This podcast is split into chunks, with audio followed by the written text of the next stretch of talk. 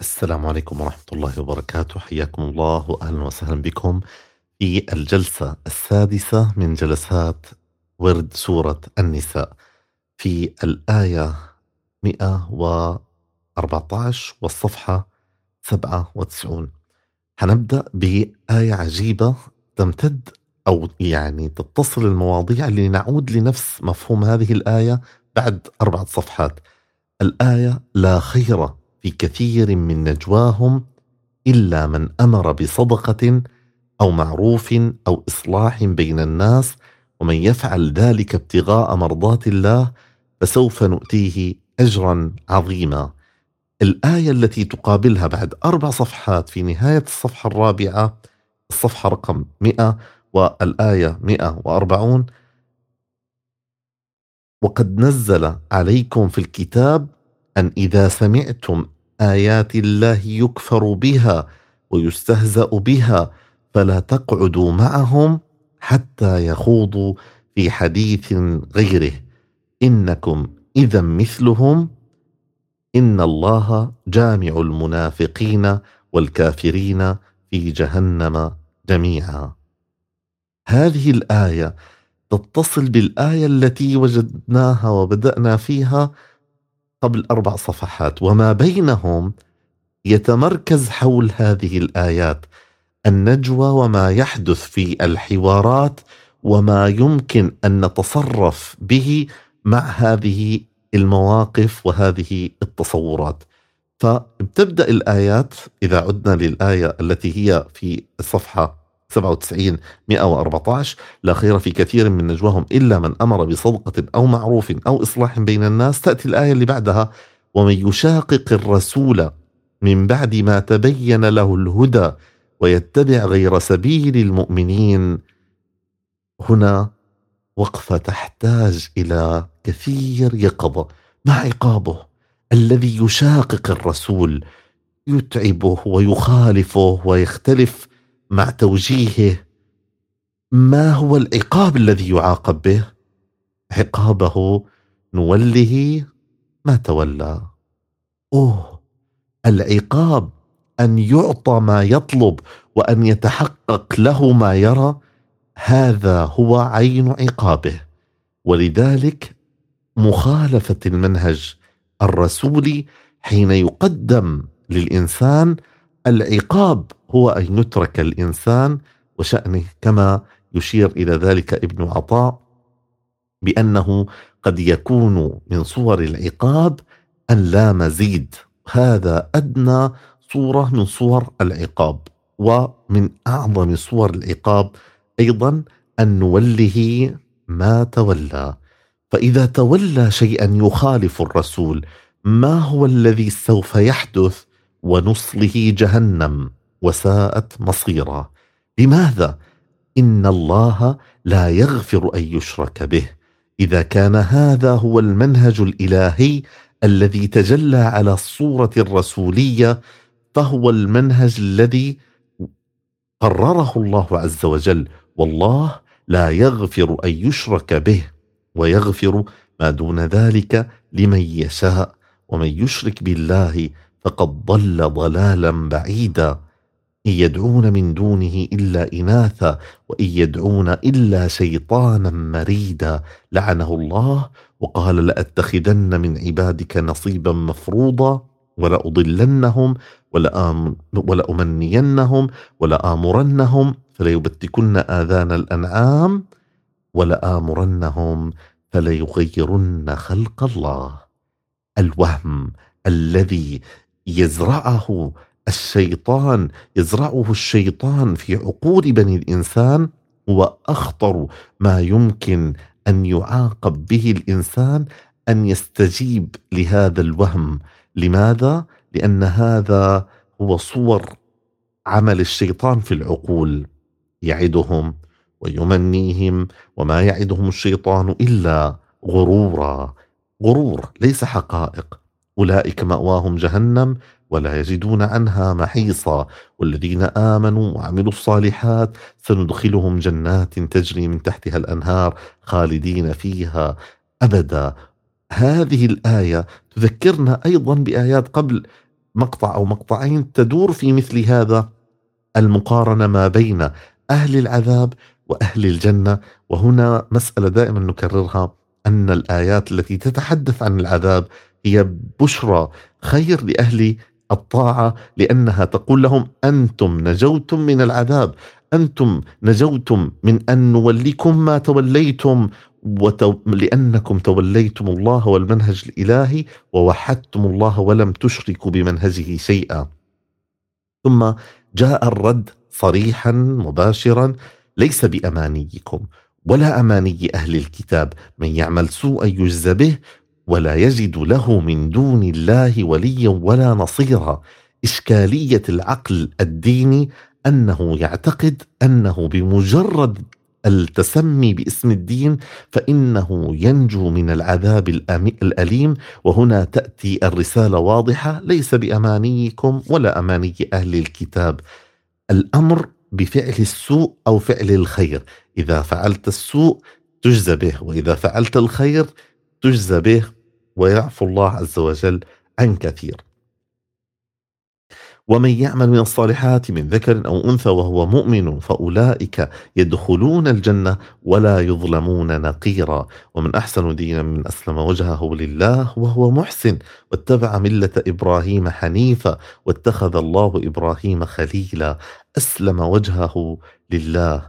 ثم بعد ذلك تمضي الآيات ويستفتونك في النساء. قل الله يفتيكم فيهن وما يتلى عليكم في يتامى النساء. ضع كلمة يتامى النساء بين قوسين واسمع للباقي في يتامى النساء اللاتي من هم يتامى النساء؟ اللاتي لا تؤتونهن ما كتب لهن وترغبون أن تنكحوهن. هؤلاء يتامى النساء.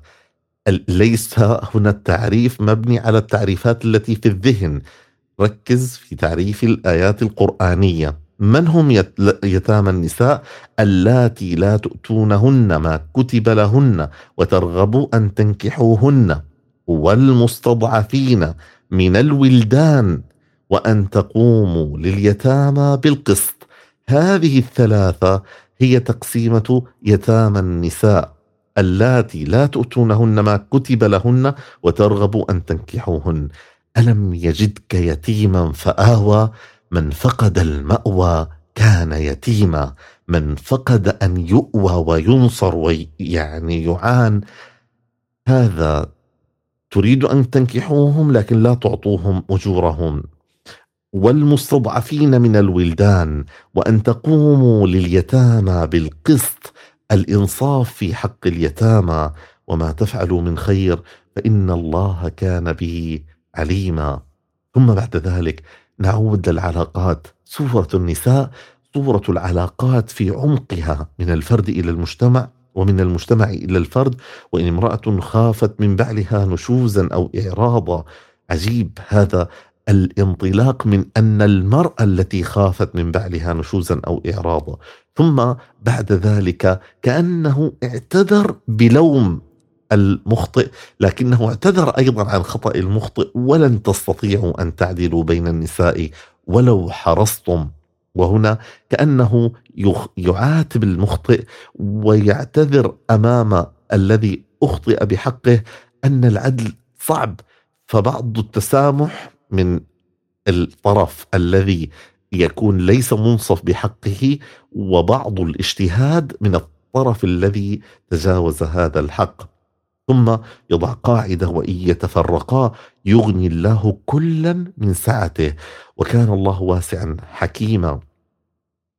ولله ما في السماوات وما في الأرض ولقد وصينا الذين أوتوا الكتاب من قبلكم وإياكم أن اتقوا الله وإن تكفروا فإن لله ما في السماوات وما في الأرض. وكان الله عزيز وكان الله غنيا حميدا.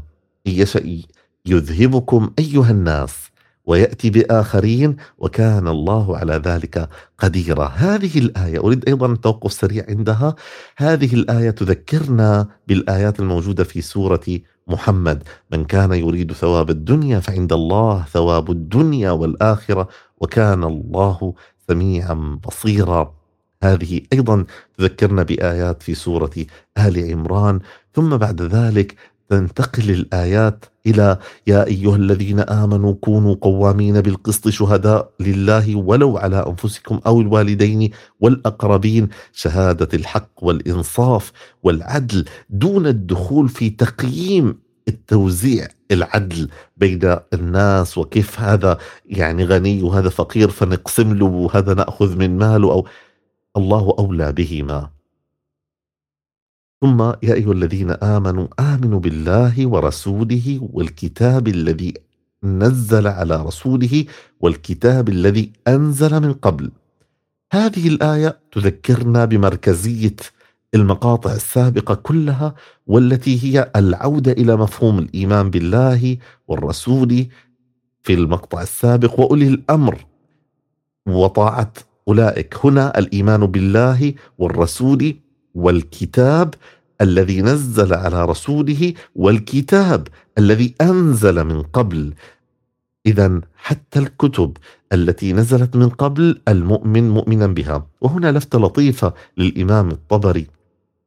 يقول لماذا يقول الله عز وجل يا أيها الذين آمنوا آمنوا لأنه لم يقل يا أيها المؤمنين ليس صفتهم أنهم مؤمنون وإنما فعلهم أنهم آمنوا. فيحتاج إلى تحقيق الإيمان وتحديد محدداته ومعاييره. لا يكفي أن تظن أنك حققت الإيمان وإنما عليك استكمال مقتضيات هذا الإيمان وأبعاده حتى يتحقق معناه في القلب. ان الذين امنوا ثم كفروا ثم امنوا ثم كفروا ثم ازدادوا كفرا لم يكن الله ليغفر لهم ولا ليهديهم سبيلا. انقلابات الإيمان واضطراب الإيمان في القلوب ما أخطر وما أشق. لماذا هذا المفهوم متكرر في سورة النساء؟